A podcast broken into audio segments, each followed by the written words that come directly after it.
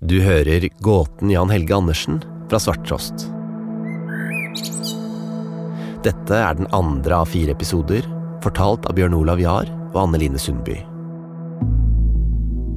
Før du hører denne episoden, så vil jeg bare tipse deg om en annen dokumentarserie som du finner her i Svarttrost Dukk. Den 5. april 2004 skyter et ranslag seg inn i tellesentralen Nokas i Stavanger. Nødtelefon, politiet. De får med seg 15 svarte bager fylt med penger. Det var jo 287 kilo penger som ble båret ut. Men hva skjedde med ransutbyttet etterpå?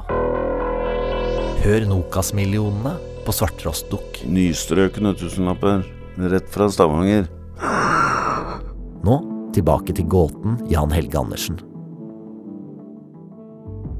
I forrige episode hørte vi at Jan Helge Andersen slet på skolen, og at han ofte havnet i trøbbel. Og, og nå skal vi snakke om ungdomsårene hans, for 17.1.1997 fyller Jan Helge Andersen 16 år. Det er nå han finner sin store lidenskap, Heimevernsungdommen. Bjørn Olav, kan du aller først fortelle, hva er Heimevernsungdommen? Heimevernsungdommen det er altså en frivillig organisasjon eh, for ungdom mellom 16 og 21 år. Eh, her får de opplæring bl.a. Uh, om sanitet, samband og våpenbruk. Uh, og dette her passer jo Jan Helge Andersen utrolig godt. Han er veldig veldig glad i å være ute i naturen, og så har han også veldig stor interesse for militæret. Ja, hvordan da? Ja, så Han forteller selv i samtale med rettspsykiatrisk sakkyndig Olaf Bakke at han fikk sin første militærjakke allerede i barnehagealder. Eh, og så, da han ble 12-13 år, så skal han også fått sin første fulle militæruniform. Eh, og det det tydelig fremkommer, er at Jan Helge liker å kle seg i, i og med militære effekter. Og så har han også mange å slekte på. Da. Han, har en, eh, han har en onkel som er leder i, i en heimevernsavdeling. Eh, han har en annen onkel som jobber i Forsvaret, og, og så er, viser det seg også at Jan Helges morfar han også jobbet i Forsvaret. da. Og fra mm. ham så har Jan Helge arvet mange forskjellige ting, da, eller gjenstander, sånn typisk sånn en grønn tyskerhjelm og noen asjetter og en liten rød lommekniv som han er veldig glad i. Og, og det man ser nå også, i, når Jan Helge Andersen kommer da i Heimevernet, så ser man en helt annen person enn Jan, den Jan Helge Andersen vi ellers er blitt kjent med. Da. Altså, Der hvor han så ofte oppleves som sløv og tafatt, nå er, det liksom en, nå er han full av virketrang. Ja, nå er han full av virketrang, eh, sier du. Eh, og hvordan kommer det til syne? Ja, altså For å holde fast litt ved det sløve først. da, Hjemme hos Jan Helge eh, så ser det ikke ut. Også særlig på rommet til Jan Helge. Det er helt det er totalt svinesti. Eh, det ser ikke ut som det har vært ryddet eller rengjort der på årevis. Eh, og Det blir også tatt bilder etter arrestasjonen, og det er, så det er søppel, det er tomme brusbokser, det er sennepsflasker, det er skitne tallerkener, skitne klær. Mm. Alt flyter rundt.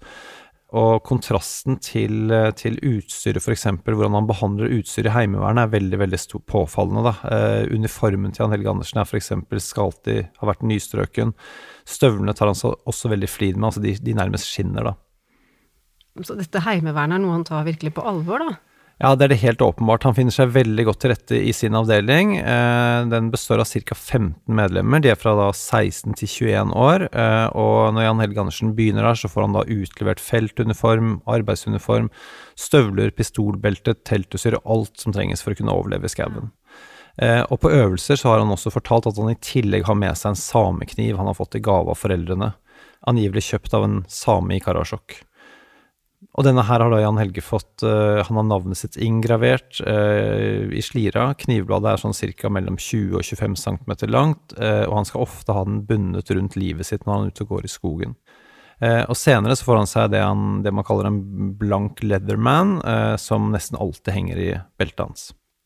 Ok, så hvor ofte går han på heimeverntreninger, og, og hva gjør de der egentlig? Ja, altså De møtes uh, hver annen tirsdag på Odderøya, som ligger ca. to km fra der hvor Jan Helge bor. Uh, og Han forteller at han sykler da frem og tilbake til disse møtene. Uh, og Da møter de som regel i feltuniform, og så øver de seg på samband og sanitet, og så får de noe våpentrening også. og så øver de seg mye på noe som kalles sprettorden. og det er da altså det, da, det, handler også om å bruke naturen som ressurs. Da. Det er ikke sant? Du lager gapahauk og snøhule, og, og du har patruljetjeneste. Og, og, det som er interessant å se, er at Jan Helge han utmerker seg som en lydig og flink soldat. Ja, han er lydig. Og, og hvordan da? Ja, så han, er, han er samarbeidsvillig, han følger ordre, og han er godt likt blant de andre i gruppen. Eh, og det viser seg altså at han har stor respekt for de eldre, og dette her er jo også noe som på en måte skiller han litt fra sånn som han er på skolen. For man har ikke inntrykk av at han har for stor respekt for lærerne, men i Heimevernet der har han stor respekt for, eh, for de, som, de, som, er over ham, da. Eh, og det sies at gjør han feil, så tar han lærdom av det, og han møter alltid også opp litt før tiden, da, så han kan være med og hjelpe til med å sette ut stoler og gjøre klart alt utstyret de skal bruke, da. Eh, også når han da i tillegg også legger bak seg mange krevende og slitsomme utmarsjer, eh, og er blant de som faktisk er best i mange av de ulike ja. disiplinene de øver på, så, så viser det seg at helt naturlig nok så blir han da lagfører eh, i løpet av 1998, altså kun 17 år gammel, for da en gruppe på 6-7 jevnaldrende. Han blir lagfører, og det står i ganske sterk kontrast til den gutten som slet på skolen. Ja, jeg tenker at det er imponerende, og, og, at han nå viser han jo Nå får han også vist seg mye mer frem enn han gjør på skolen. Han viser at han har mye mer, mer, ressurser enn det han har klart å få frem der. Og for det å være lagfører, det krever jo ganske mye. Altså, han skal jo ha ansvar for seks-syv andre, og han skal delegere ansvar og arbeidsoppgaver, og han skal og han, skal, han blir jo på mange måter en mellomleder. ikke sant? Han skal jo ta imot beskjeder fra, fra befalet, som igjen eh, skissere hvordan øvelsen skal se ut og sånne ting. Så han må rett og slett være ganske skjerpa, da. Eh, så kontrasten da mellom heimevernssoldaten Jan Helge Andersen og videregående skoleeleven Jan Helge Andersen, den er påfallende stor. Påfallende stor, og det smitter ikke over. Det går altså ikke bedre med Jan Helge Andersen på skolen nå? Nei, som vi snakket om i forrige episode, så sant, Jan Helge han slet både på barneskolen og på ungdomsskolen, og han fortsetter å slite på videregående skole også. Okay. Men det er klart han har en lett lettere vei nå, da, fordi han begynner, på, begynner høsten 1997 på Tangen videregående skole i en klasse med sju andre ungdommer. Og i løpet av to år nå så skal, så skal disse ta et grunnkurs som normalt er stipulert i ett år. Da. Så han, eh, han er rett og slett havnet i en klasse for, som er spesielt tilrettelagt for svakerestilte elever. Okay. Og, og, det er ikke sånn at han, og der skulle man jo tro at Jan Helge Andersen med tross alt som vi nå har snakket om innen Heimevern, hvor han har en del evner, så skulle man tro at han kanskje der kunne klare å skille seg ut, da, men, men det gjør han faktisk ikke. Altså, han er på en måte én i mengden der. og og en, en, lærer som senere blir avhørt, han forteller at uh, dersom Jan Helge Andersen får oppgaver han mestrer og han får lov til å gjøre dem alene, så, så utfører han disse tilfredsstillende. Men mm. ellers så er han som de andre elevene i klassen og litt problemer med organisering og fordeling av felles oppgaver eller samarbeid, som, som denne læreren sier. Og da hender det at lærerne finner ham på IT-rommet der han har sneket seg ut for å surfe på nett og greier. Eh, og, og, han er jo da også På skolen så er han De oppfatter ham som rolig, men legger også merke til at han kan bli ganske sånn verbalt hissig til tider. At da kan han virkelig brøle ut, da. Så kort fortalt, det er lite ved Jan Helge Andersen som vitner om den disiplinen han, på skolen som han viser i Heimevernet. Og, og, læreren er jo også da han er også veldig oppmerksom på dette. Han sier også da i avhøret med politiet at, at, det er ingen tvil om at Jan Helge Andersen viser størst engasjement når han på begeistret og ivrig vis kan fortelle om øvelser og turer han har vært med på gjennom Heimevernet. Ok. Hva er det som gjør at han trives så godt i Heimevernet, tror du da?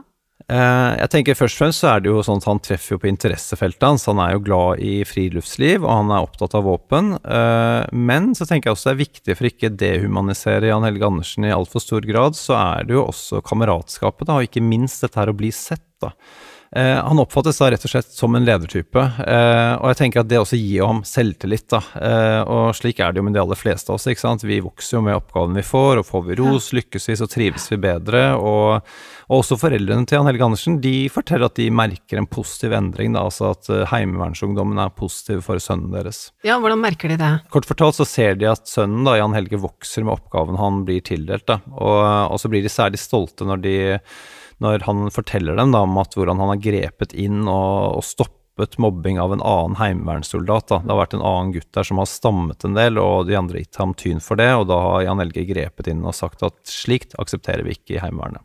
Er han blitt en mer sosial type sånn generelt, eller gir det han selvtillit? Han prater der han har interesse av det, men ellers så, ellers så har jeg inntrykk av at han ikke er noe spesielt snakksalig type. Uh, heller ikke hjemme.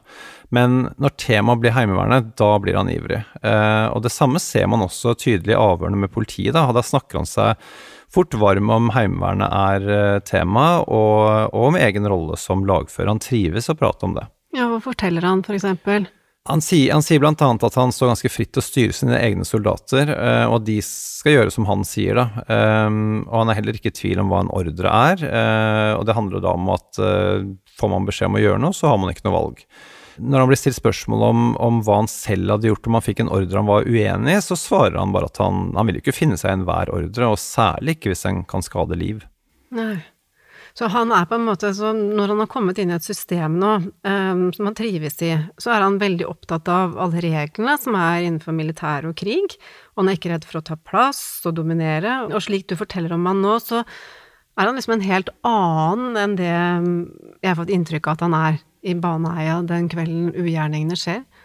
Ja, vi, vi, skal jo mye tilbake til Jan Helge Andersens uh, fortelling og det han forklarer om hva som skjer i Baneheia den uh, fredag 19. mai 2000.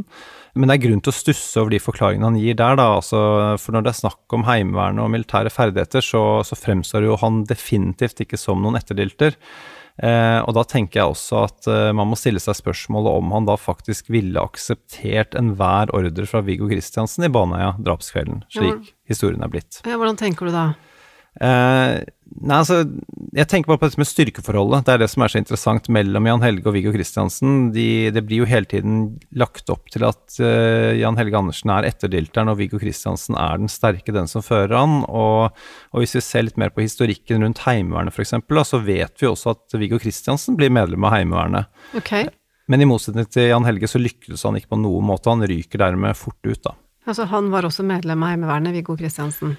Ja, og det er altså i løpet av 1997 så er det da Jan Helge Andersen som verver da Viggo Kristiansen til Heimevernsungdommen.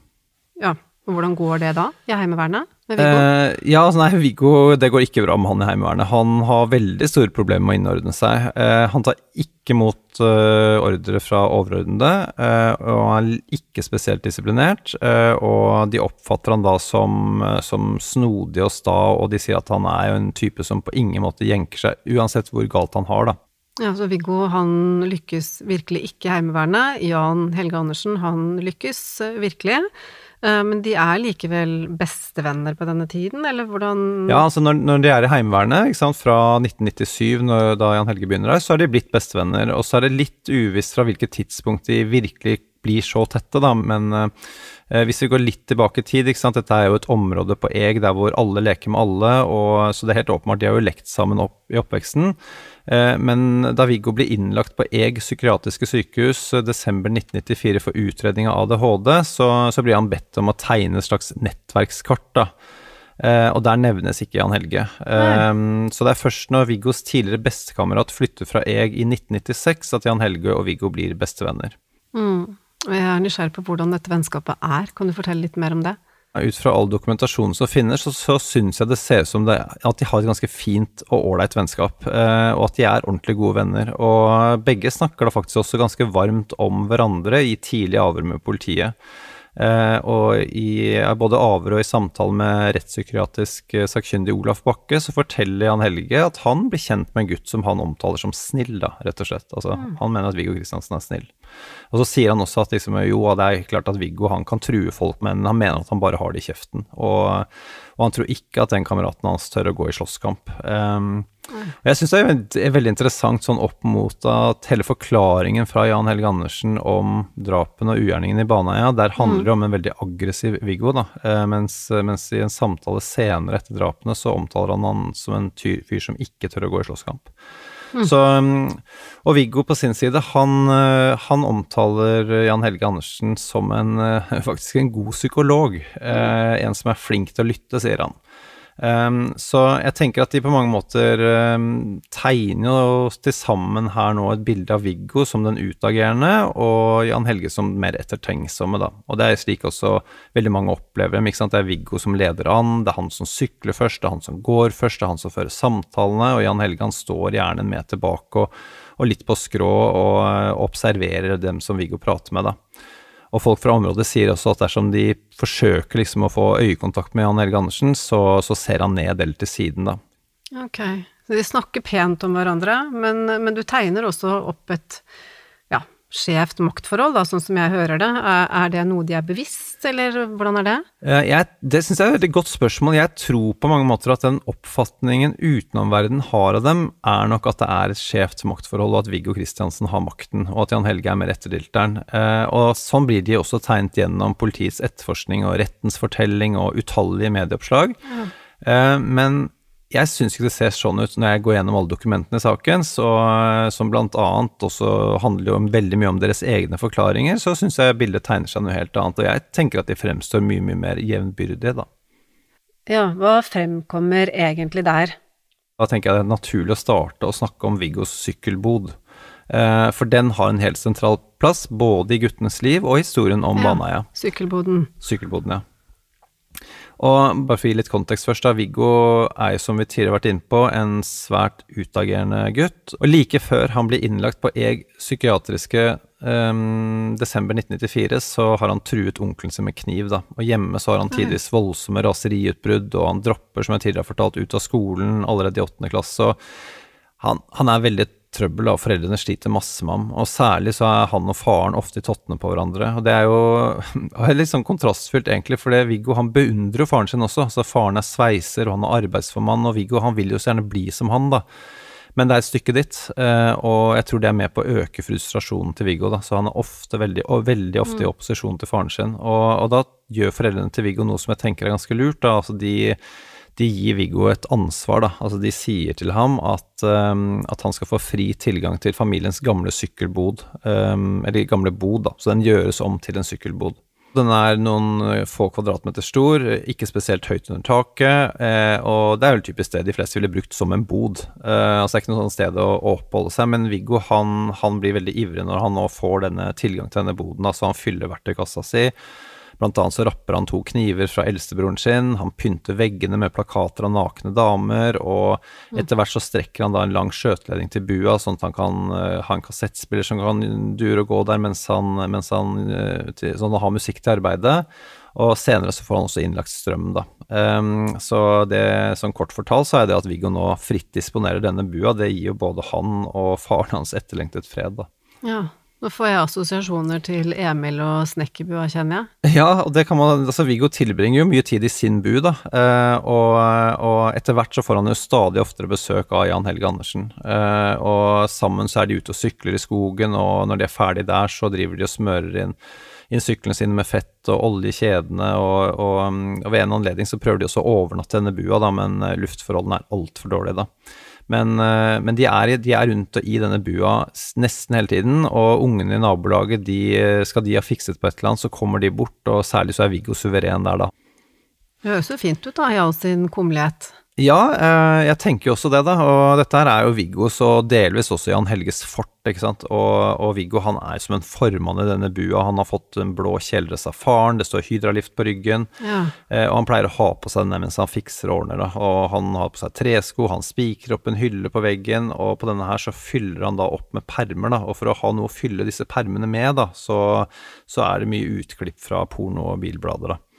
Eh, ja, så skaffer han seg, så er det veldig så morsomt at han skaffer seg også et stort nøkkelknippe, da, og noen av de nøklene de har jo ingen annen funksjon enn å fylle opp det nøkkelknippet, da det skal se bare skikkelig fett og heftig ut.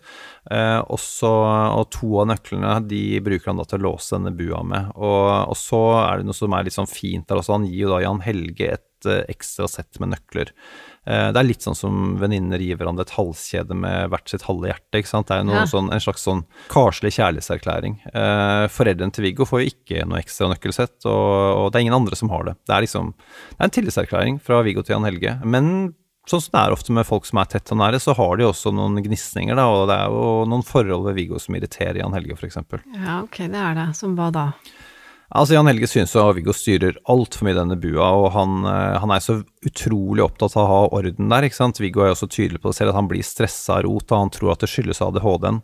Uh, mens Jan Helge han, han, er liksom på at åh, oh, Viggo har støv på hjernen, og han syns han er svært pertentlig og veldig ryddig. Og, og, det er sånn at hvis Viggo finner verktøy plassert på steder det ikke hører hjemme, så blir det bråk. Da, det bråk, ja. Da blir det bråk. De, de krangler da ofte uh, om rydding, rett og slett. da, uh, Fordi Viggo har da permer i en hylle, da, forteller Jan Helge, og han sier at disse permene de skal stå helt sånn på rekke og rad, og kant til kant mot hylla, og, og Jan Helge syns jo dette bare er noe tull, da. Det er jo som nærmest som et gammelt ektepar, sånn som de holder på. Og, mm. og Jan Helge sier jo over at han, at han, når han er trøtt og ikke gidder å rydde, så driver Viggo og befaler ham at han skal gjøre det, da. Eh, og han sier at å bli Viggo sint, da så er det jo ikke sånn at han sitter stille og rolig og påpeker en feil, liksom, men da brøler han og skriker det så hele jeg hører det. Eh, og, og han, han, sier jo selv at han da har lært seg liksom å skille mellom når det nytter å si fra, og når det ikke nytter å si fra. Eh, og da hender det at han trøster seg med at han kan jo bare gå hjem til seg selv, og der ja. kan det være så rotete som han bare vil ha det. Ja. Og hva tenker Viggo om disse kranglene? Ja, akkurat det syns jeg er litt interessant. For når man leser politiets avhør av Viggo Kristiansen, så er det akkurat som han langt på vei aksepterer narrativet om at han er den sterke og dominerende, eh, samtidig som han også er ganske ydmyk om egen rolle. Han sier f.eks. at eh, Dersom Jan Helge Andersen spytter snus på gulvet, da, så er han rask til å si fra, for dette, det vil han absolutt ikke ha noe av. Eh, og da omtaler han seg selv som utrolig pirkete på det området, og mener at det er noe han har etter faren. Da. Han er ofte ganske glad i å liksom referere til faren, da, som jo er forbildet hans. Mm. Eh, og noen ganger så, så, går det så langt at han sier at han rett og slett bare må hive ut Jan Helge, at det går ikke å ha han i bua der. Det høres jo, og sånn jeg hører på deg nå, så høres det ut som det ikke er så skjev maktfordeling mellom de to, når Jan Helge Andersen faktisk tør å spytte snusen sin ut i, i bua til Viggo, eller eh, hva tenker du om det? Sånn kollektivt så tror jeg vi har hatt et feil inntrykk av styrkeforholdet mellom de to guttene. Ja. Eh, og også kollektivt så tror jeg vi har undervurdert Jan Helge Andersen, og at vi har sett på ham som temmelig dum. Uh, og, og, da kom jeg på en historie, for etter at jeg utga drapene i Baneheia i 2017, så, ja. så, besøkte jeg Viggo Kristiansen for første gang på Ila fengsels- og forvaringsanstalt. Og da skulle jeg besøke ham mange ganger fremover. Og Viggo han, han, har aldri vært noe sånn spesielt opptatt av å prate om Jan Helge, men, men jeg hender jo av og til at jeg har stilt ham noen spørsmål. Jeg spurte ham blant annet sånn altså, Hvor smart er egentlig Jan Helge? Og så sier han at uh, han, så sier han, nei, altså han kunne illustrere det. Han hadde en historie som kanskje kunne si noen ting om hvem Jan Helge var, da. Uh, og da er historien som følger at uh, de var en liten gjeng som drev med paintballskyting ute i gatene på kvelden på Eg, der hvor de bodde. Og så kommer det da en politibil kjørende forbi. Og da er det en av disse gutta som finner ut at det er en bra ting å skyte paintball på mm. den politibilen. Mm. Eh, så da blir det til at uh, denne politibilen, den, der er det politimannen som sitter inni den, han tråkker på bremsen, og, og, Viggo, Jan Helge og de andre gutta som var med på dette, de tar beina fatt for å komme seg unna. Mm. Eh, og Jan Helge og Viggo i hvert fall, de løper da i hver sin retning. Jan Helge han har da en paintball i lomma. Eh, og politifolkene kommer litt nærmere, og de er fortsatt et stykke unna. Og da tar Jan Helge opp denne paintballen fra lomma, og så slår han den mot underarmen sin. Mm. Ja, og, så, og så, så, den ballen knuser av og farges masse av på jakken hans, ikke sant. Og så når politifolkene kommer på høyde med ham, så, så peker han på egen underarm, og så sier han se, de skøyt på meg også. Og da lurer jo politiet veldig på hvor de som skøyt, hvor de er hen, da. Og da peker Jan Helge over skulderen, og politiet de løper av gårde. Podkasten er sponsa av Gjensidige. Når vi ser på statistikken over det som er blitt bevist forsikringssvindel, så ser vi at eh, den skiller seg litt fra den vanlige kriminalstatistikken. Det er bl.a. flere kvinner som begår forsikringsbedrageri, enn det er kvinner i kriminalstatistikken generelt. Da. Eh, så det ser ut som hvem som helst er villig til å begå forsikringsbedrageri når de er i en situasjon der muligheten eller eh, behovet byr seg, da. Du hører Vera Sønstagen. Hun er utdanna politi og leder avdelinga som jobber med å etterforske og forebygge forsikringssvindel i Gjensidige. Altså, forsikring handler om fellesskap. Det er litt sånn som eh, velferdsstaten. Vi betaler inn eh, skatt, eller vi betaler inn forsikringspremie til et fellesskap, sånn at vi har en sikkerhet hvis vi skulle komme i en situasjon der vi trenger det. Eh, så det å melde inn et krav du egentlig ikke har krav på, det er å stjele fra den felles sparekassen. For Vera er det viktig å informere om at svindlere løper en stor risiko men viktigst av alt er det å bygge tillit mellom gjensidige og kunden. Tillit er et eh, helt sånn grunnleggende fundament i forsikring, og vi er avhengig av at alle kundene har tillit til at eh, vi utbetaler bare riktig erstatning. Så det å være med og bidra til å opprettholde den tilliten, det motiverer meg veldig. Og så tenker jeg jo at det er jo mange som eh, er i en utrolig vanskelig situasjon når de begår forsikringssvindel, og det å kunne hjelpe dem ut av en vanskelig situasjon med æra i behold, da. Eh, det tenker jeg er utrolig motiverende både for meg, men også for alle utrederne som er ute og møter de her menneskene. Gjensidige har sikra liv, helse og verdier i over 200 år. Vil du bli en av oss? Sjekk ut gjensidige.no jobb.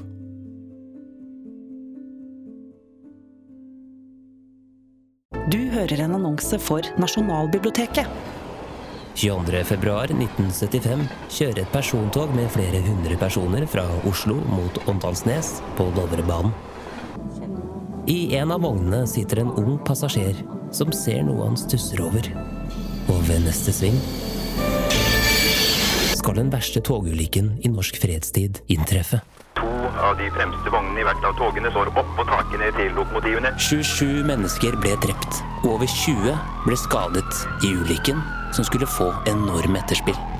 Historien om 13-ulykken hører du i Gamle greier. Gamle greier, en podkast fra Nasjonalbiblioteket. Fikk han liksom større respekt for Jan Helge etter den hendelsen? Egentlig så tror jeg at Viggo hadde ganske bra respekt for Jan Helge hele veien, ja.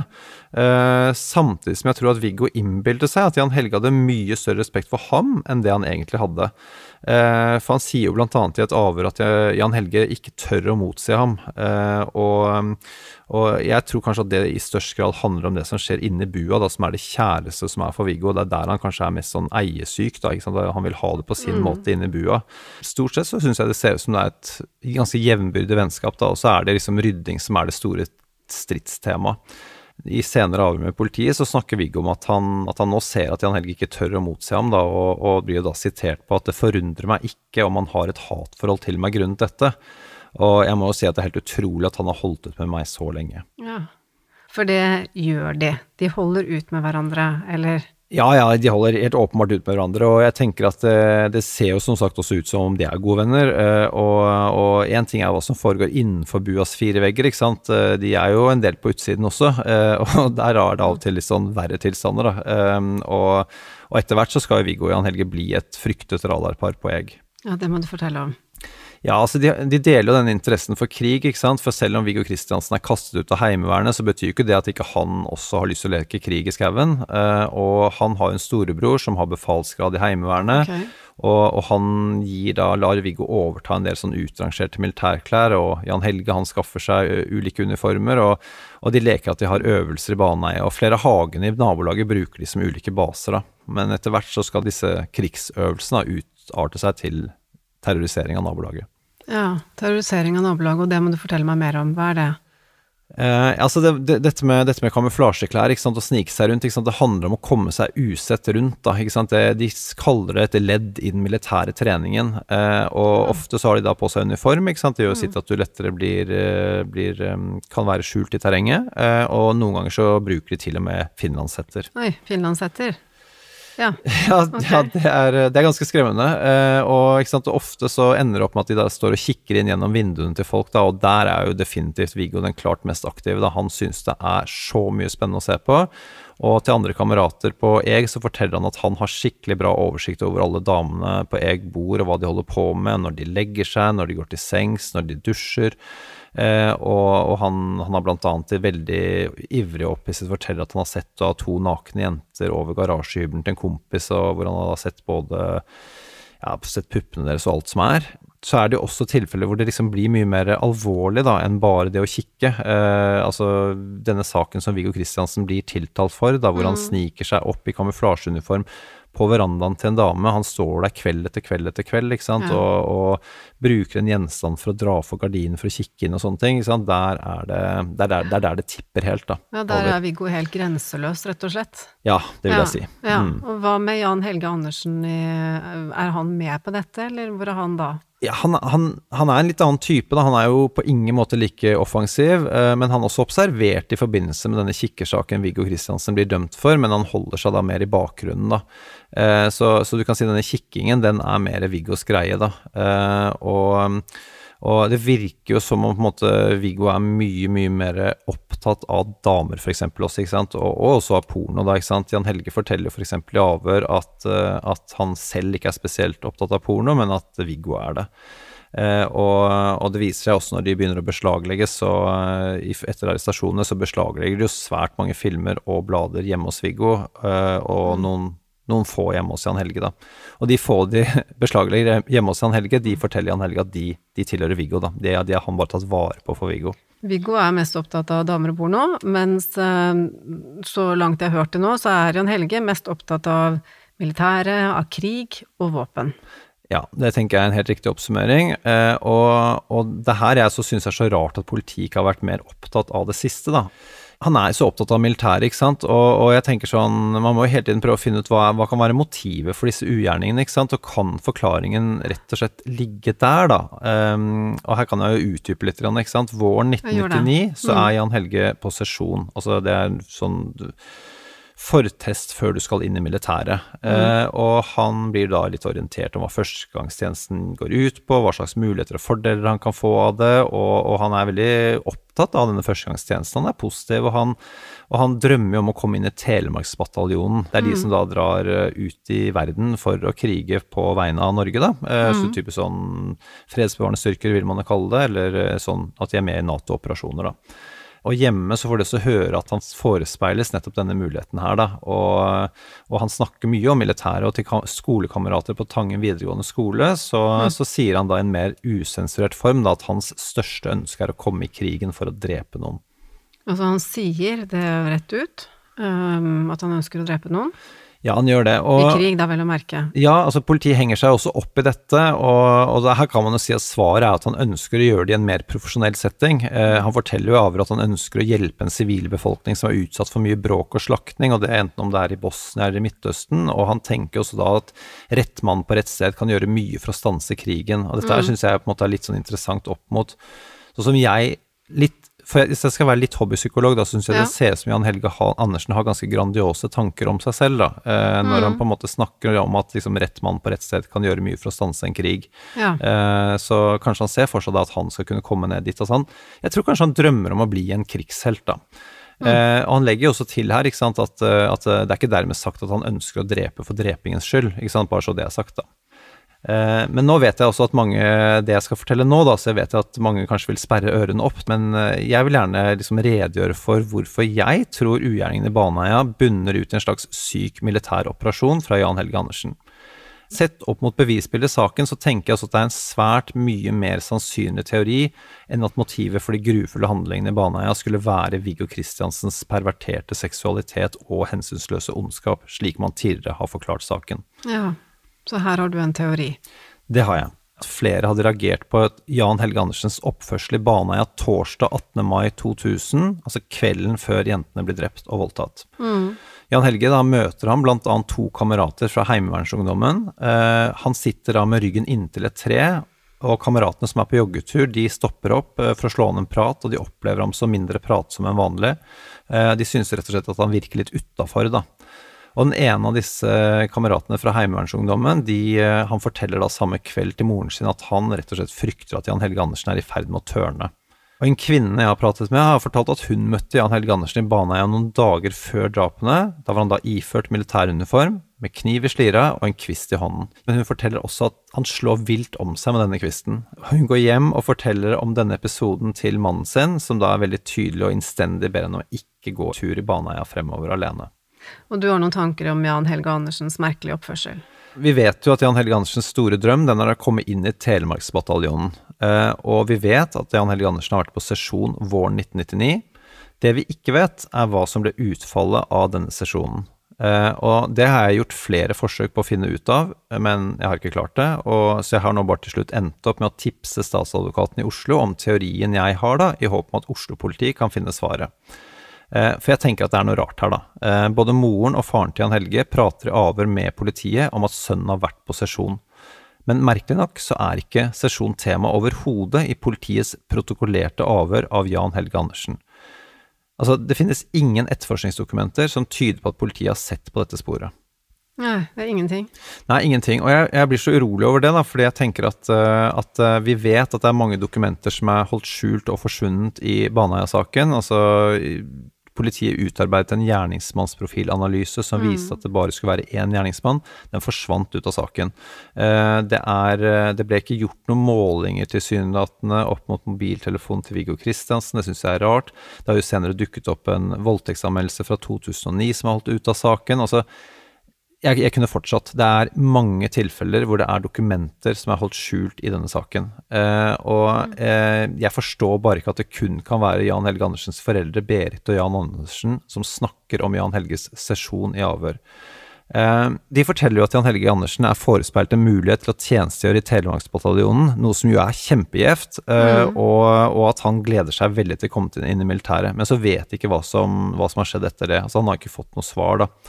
Eh, og da er det jo åpenbart at, uh, at Jan Helge Andersen har ikke fått noen innkalling til militæret. Eh, og da er det igjen sånn, hvorfor har han ikke det, da? Mm, Iallfall ingen som vet, ingen som har hørt noe om det, at han har fått en innkalling til militæret. Nei, for det, det man vet er at i år 2000 så blir de fleste mannlige 19-åringer innkalt til førstegangstjeneste. Da er det oppmøte i august. Eh, men Jan Helge Andersen han blir jo arrestert i september 2000, så altså, han er ikke militæret. Så andre mm. ord, han har ikke blitt innkalt. Eh, og da lurer jeg veldig på, ikke sant, er det noe kan det være at Jan Helge Andersen har fått avslag fra militæret? Altså Telemarksbataljonen har jo vært bare en fjern drøm. Den har på en måte ikke mm. vært realistisk. Men å komme inn som en vanlig vernepliktig soldat, det er jo veldig realistisk. Og kan det være, ikke sant, i år 2000 så har Forsvaret begynt å bli noe mer selektive med rekruttene. Kan det være at Jan Helge Andersen f.eks. har tatt en eller annen test som hvor det fremkommer at han er relativt ustabil, mm. og at man derfor har kjørt, tenkt bare han her må vi styre unna. Har han fått et avslag? Og hvis han har fått et avslag fra Forsvaret, hvordan vil det virke inn på ham? Altså Sånn som jeg ser det, så tenker jeg at det vil være et enormt nederlag for ham da. Ja, det må vi nesten anta. Mm. For det militære var livet hans, på en måte, nå? Ja, jeg tenker det. Altså, jeg, jeg, tror liksom drømmen hans er jo på en måte å vinne krigen, og, og det har han jo ingen mulighet til nå. Eh, og, og, da tenker jeg at ikke sant, som for en svært ivrig heimevernssoldat eh, som drømmer om Telemarksbataljonen, eh, og som har gitt uttrykk overfor kameratene sine at hans største ønske er å komme seg ut i krigen for å drepe, så er jo, så er jo et eventuelt avslag virkelig, virkelig, virkelig no, noe han må bli kjempefortvilt over. Eh, og da ser jeg for meg at sant, har han fått avslag fra militæret, så kan det være motiv for ugjerningen i Baneheia, hvor det blir en, rett og slett en sånn greie om at nå skal jeg vise dem.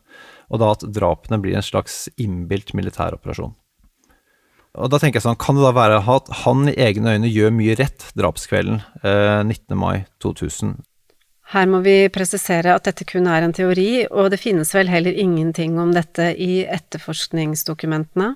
Nei, og det tenker jeg er litt utrolig. Eh, jeg mener jo det er mye som tyder på at denne teorien om en militær operasjon ikke har vært fremmed for politiet uh, under etterforskningen. Jeg har et eksempel på det. da. Uh, for 31.8.2000, bare 13 dager før politiet pågriper Jan Helge Andersen og Viggo Kristiansen, mm. så trykker VG en artikkel som de kaller 'Gjerningsmannen vender tilbake'. Kan jeg bare lese et lite utdrag fra den? Der skriver VG at politiet er også mer og mer sikre på at det dreier seg om én gjerningsperson, og at han underveis og rett etter drapene arbeidet svært planmessig. Åstedet er valgt med omhu, skjult, lyddempet med trær og fjell på alle kanter som skott mot innsyn, men likevel svært nær stien ved badevannene i Baneheia. Etterforskerne har også et inntrykk av at gjerningsmannen har tenkt gjennom hvordan han skulle få med seg og kontrollere jentene. Et av ofrene er kneblet med tøy, begge ble funnet med hendene låst til ryggen. Og Så skriver VG videre at politiet har avvist å låse seg til jakten på en pedofil, og at sitat, drapshandlingen dermed kan ha vært det innledende motivet. Og Dette tenker jeg er veldig interessant. ikke sant? Det betyr at gjerningsmannen kan ha drept først, og at han kan ha voldtatt etterpå. Og Det er jo også den teorien jeg tror mest på, da. Og det er, det er også den teorien jeg klarte å håpe på, da jeg både håper og tror at det er slik det skjedde. Da vil jo i så fall Stine Sofie og Lena ha lidd mye mindre. Men en ting jeg lurer på, snakket de om ugjerningene seg imellom i denne perioden? Ja, altså det man ser fra avhørene, så, så, ser det ut som at Jan Helge ikke snakker noe om drapene. Altså Han forteller i avhør at han og Viggo ikke snakket om drapene i det hele tatt. Han sier at de ikke snakket om det fra begynnelsen av engang. Eh, for han sier at han ønsket ikke å prate noe mer om det. Han ønsket bare å glemme det og bli ferdig med det. Mens uh, Viggo derimot, han fremstår som veldig opptatt av drapene, og han snakker om det på fest, uh, blant annet, og han forstår blant annet ikke hvordan én mann skal kunne gjøre dette alene. Eh, og da har noen sagt at, det, at da er det som at Jan Helge slår blikket ned da, når de er inne på liksom, teorier og samtaler om Baneheia. Mm. Eh, det kan jo selvfølgelig være en slags etterrasjonalisering også. Eller så kan det selvfølgelig være naturlig nok. Han har jo vært der oppe. Så, han har vært der oppe. Ja, ikke sant? Mm. så det er ikke så rart å slå blikket ned. Eh, men det som skjer, er at 12.9.2000, dagen før politiet skal få svar på DNA-analysen, altså den som handler om kjønnshåret de har funnet på åstedet, så er Viggo på besøk hos noen venner. Eh, og som så ofte ellers, så, så snakker de mye om Baneheia. Eh, men han snakker også om at han og Jan Helge har hatt en heidundrende fest i Aalborg i Danmark. Men tilbake til mm. samtalen mm. Viggo har med disse vennene, da, så er han opprørt over politiet. Han mener at de ikke har noe peiling, siden de holder på frem og tilbake med han og Jan Helge hele tiden. Og, og han kan bare ikke forstå det, da. Og litt senere samme kveld så møtes han og Jan Helge ute på gata. Eh, og da skal Jan Helge ha sagt til Viggo at eh, vi får nyte den siste kvelden sammen. Så ble jo dette guttenes siste kveld sammen. Dagen etter ble de arrestert, og nå begynner de å forklare seg i avhør. Og det skal vi komme nærmere inn på i neste episode, som har fått tittelen Den ærlige drapsmannen. Ja, for fra nå av så sluker politiet nærmest alt Jan Helge Andersen forteller dem, og de mener at han nærmest har fotografisk hukommelse, og at alt han sier passer utrolig bra med det de sitter inne med fra før av. Så politiet de er overbevist om at Jan Helge Andersen, han snakker sant. Du har hørt andre episode av Gåten Jan Helge Andersen fra Svarttrost. Gjennom sin advokat har Jan Helge Andersen fått mulighet til å kommentere det som kommer fram i denne episoden. Det ønsker han ikke. Daværende politiavdelingssjef Geir Olaf Hansen og tidligere kriminalsjef Arne Pedersen har ikke besvart henvendelsene. Og Viggo Kristiansen ønsker ikke å kommentere. Neste episode kommer om noen dager. Men hvis du vil høre hele serien med en gang, kan du bli abonnent på Svarttrost Dukk. Det gjør du ved å trykke på abonner-knappen i Apple-podkastspilleren, eller hvis du hører gjennom Spotify eller andre plattformer, så kan du følge lenka i episodebeskrivelsen. Da er du samtidig med å støtte alle oss her på Svarttrost, sånn at vi kan lage flere dokumentarserier. Opplysningene i serien bygger på dokumentene i Baneheia-saken og på pressedekningen til VG, Dagbladet, Aftenposten, NTB, Fedrelandsvennen, NRK og TV 2. Hvis du har spørsmål til Bjørn Olav, så kan du nå han på e-posten boj at svarttrost.no, og så vil han samle dem opp og svare i en bonusepisode. Gåten Jan Helge Andersen er laga av Anneline Sundby og Bjørn Olav Jahr. Konsulent er Ellen Wisløff, klipp og sluttmiks ved Tage Tollefsen og Morten Karlstad. Og redaktør er Kari Hestehamar. Følg oss gjerne på Facebook og Instagram, der oppdaterer vi alltid om nye serier som kommer. Du finner oss ved å søke på Svarttrost Produksjoner. Tusen takk for at du har hørt på. Vi høres igjen snart.